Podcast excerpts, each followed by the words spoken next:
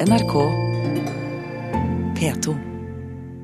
I dag tidlig ble den drapsdømte norske høyreekstremisten Varg Vikernes arrestert i Frankrike. Politiet mistenker at han har planlagt en massakre. Vikernes og kona de er nå satt i arrest i fire dager, men er ennå ikke ført til Paris, og skal heller ikke være avhørt, ifølge franske påtalemyndigheter. Den franske innenriksministeren kom med en pressemelding for kort tid siden, og reporter Katrine Nybø, du har fulgt denne saken i dag. Og hva vet vi om hva slags terrorhandling han skal ha planlagt? Det er foreløpig lite informasjon og detaljer, men innenriksministeren i Frankrike kom jo med som du sa, en pressemelding for kort tid siden. Da sa han at Vikanes er i stand til å gjennomføre en alvorlig terrorhandling, og etterforskere i antiterrorpolitiet sier at Vikanes hadde et farlig potensial. Dette sier kjelde i det franske justissystemet til avisa Le Monde. Og uttrykket massakre er også blitt brukt mye i franske medier i dag. Men Politiet i Frankrike gikk til aksjon mot gården Vikernes har bodd på eller bor på der nede. Hva er bakgrunnen for det? Ja, Fransk politi skal ha overvåka Vikernes i minst ett år, men åpna formell etterforskning først når kona hans gikk til innkjøp av fire rifler i starten av juli. Hun skulle ha vært et medlem av en skyteklubb og har derfor lovlig tilgang på inntil fire våpen. Men Hva med lokalmiljøet der Vikernes bor, Hvordan, eller hvilke typer reaksjoner har kommet derfra? Ja, nå Nylig kom altså borgermesteren i den vesle byen Salon Latour, der Varg Vikernes skal ha bodd, med en uttale. Han sier at han er overraska over arrestasjonen, og at han ikke merka noe rart med Vikernes, annet enn at han likte å kle seg, som han sier, i militærkostyme, og at han hørte på det borgermesteren kaller gotisk musikk. Men Vikernes han har jo også blitt arrestert av norsk politi tidligere, og da har det flere ganger blitt funnet våpen og, og sprengstoff i forbindelse med disse arrestasjonene. Det, har noe slikt blitt funnet denne gangen utover det vi har snakket om? Ja, altså etter at Vikanes og kona ble arrestert, så gikk jo politiet til undersøkelse av heimen. Og det skal jo ha blitt funnet flere våpen. Det er sagt fem våpen, men dette er ikke ennå stadfesta. Videre er det uvisst hva politiet har funnet, men det er foreløpig ikke meldt om sprengstoff. Hva med norske myndigheter, hva sier de om sin kjennskap til arrestasjonen? Ja, Vi har vært i kontakt med Politiets tryggingstjeneste PST i dag. De sier at de ikke kan kommentere saka og vise til fransk politi for mer informasjon. De kunne heller ikke svare på om norske styresmakter har hatt noe med dette her å gjøre.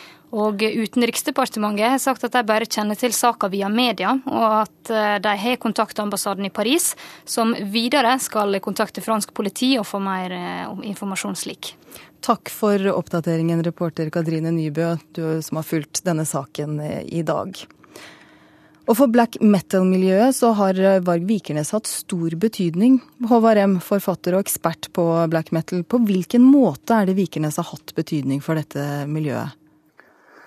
På to måter. Musikalsk, kunstnerisk, og, men også eh, hva skal jeg si, ideologisk. Han var en av dem som uh, utviklet hele sjangeren norsk black metal. Hans første plater hadde veldig stor betydning for hvordan musikken kom til å, til å lyde. Men han var også en av dem som førte an i, i hele den norrøne orienteringen som preget tidlig norsk black metal. Vikenes var aldri en satanist. Du hadde jo satanister i norsk black metal, stort sett på Østlandet. På Vestlandet hadde du derimot med den norrøne orienteringen. og Vikenes kalte seg tidlig en odinist, altså en som var opptatt av norrøn kultur. Men, men har, han på noen måte, har han på noen måte inspirert miljøet, eller hvordan har han hatt innvirkning der?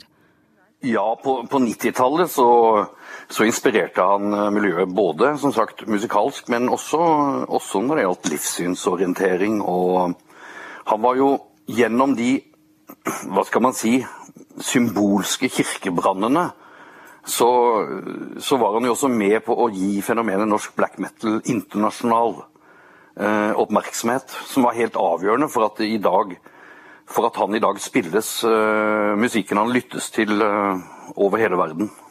Øyvind Strømmen, du er journalist og ekspert på høyreekstremistiske miljøer. Hvor posisjonerer Vikernes seg rent ideologisk? Det man ser i dag når man leser tekstene som han skriver osv., er at han befinner seg innenfor et, et, landskap som jeg tror de aller fleste vil oppfatte som et ganske klassisk nynazistisk landskap. Det er rabiat ytterliggående nasjonalisme, det er rasetenkning og det er jødehat. Samtidig så eh, må det understrekes at Vikernes sjøl omtaler seg ikke i dag som nazist, han kaller seg odalist. Det er en referanse igjen til dette norrøne. Uh, og Det er et stadig tilbakevendende tema for han også, den norrøne arven, den norrøne mytologi, den norrøn religion han refererer til. Vålesbå eh, refererer han f.eks. til. Eh, så det er, nok, eh, det er, nok, en variant kan man si da, av nynazisme der den, den, det norrøne blir veldig framheva.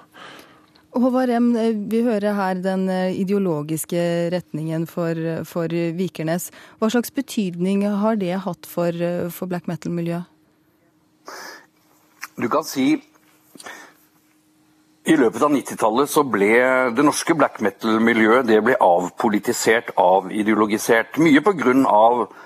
Uh, at det var såpass ekstremt, det som, det som skjedde i 394.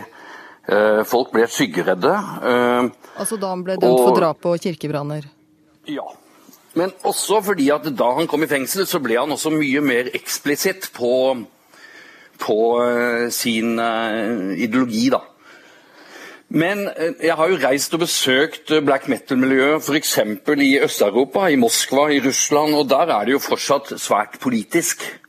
Og, og der har eh, Vikernes en stor innflytelse, også ideologisk.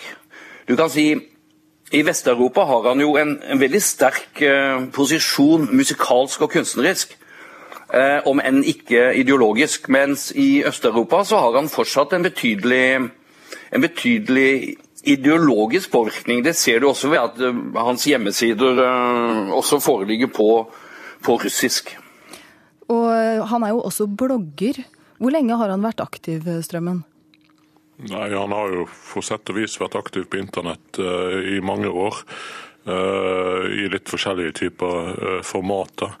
Han er jo ikke noe veldig aktiv blogger, men det er klart han har skrevet en del tekster som har vært publisert på nett. og Det begynte allerede tidlig. Boka som han skrev når han satt fengsla, som heter 'Vagsmål', eh, ble jo f.eks. publisert også på nett. Uh, internett er en arena uh, ofte for folk som, som har sterkt avvikende synspunkter. En mulighet uh, for de å kunne komme ut med sine ideer og sine meninger. Eh, og det er klart For Vikanes så har dette vært en måte å kunne spre både ideene sine og ikke minst musikken sin. Men Har han mange følgere her? Ja, Som Rem er inne på, så er det klart han har et ganske betydelig publikum i bl.a. Russland. Uh, samtidig så er det noe, når han skriver noe, så, så kan en se at det ble plukket opp f.eks. av svenske nynazistiske medier. Uh, samtidig så ikke, vil ikke jeg omtale Vikernes som noen sentral aktør i noe nynazistisk miljø i dag. Uh, det man ser er vel at folk som både har sans for den typen musikk som Vikernes lager, han er en habil musiker, og uh, støtter den typen politiske ideer som Vikernes har. Eh, de, har, de, setter han høyt. Eh, han, han, da blir han på en måte innenfor denne subkulturen. Innen en annen subkultur eh, så blir han på en måte en, en slags, et slags eksempel. Men, men, han er ikke noe aktør som på en måte dukker opp i veldig mange sammenhenger og blir mye nevnt og mye referert i nynazistiske miljøer generelt. Det er han ikke. Det kan jo være lett å trekke linjer til Breivik her. Hvordan skiller Vikernes seg fra, fra Breivik?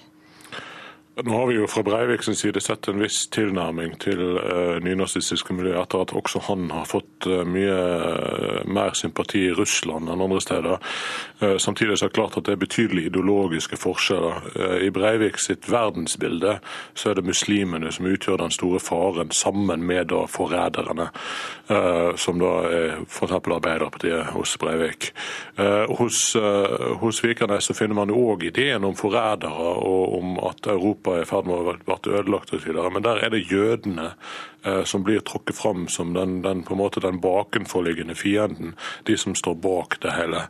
Eh, og, og, denne antisemittismen er veldig uttrykt og veldig klar hos, hos uh, Vikernes, eh, mens hos Breivik så finner man mye mindre av det. Så visse, visse forskjeller der altså. Men uh, Håvard Rem, du har også gitt ut en bok om, om, svartmetall, for å komme litt inn på det. 'Innfødte skrik norsk svartmetall'. Der var uh, Vikernes rimelig, rimelig, kritisk til din karakteristikk av ham. Hvorfor det? Uh, nei, det, det, gikk dels på kuriositeter og detaljer. men jeg tror nok at han det, det, var også en reaksjon på at han selv ønsker å forvalte sin historie, og ikke har så lett for å slå seg til ro med at andre, at andre forteller den historien. Da må jeg nesten si takk til dere begge to for at dere var med i Kulturnytt, forfatter Håvard Rem og Øyvind Strømmen, journalist og ekspert på høyreekstremistiske miljøer. Hør flere podkaster på nrk.no podkast.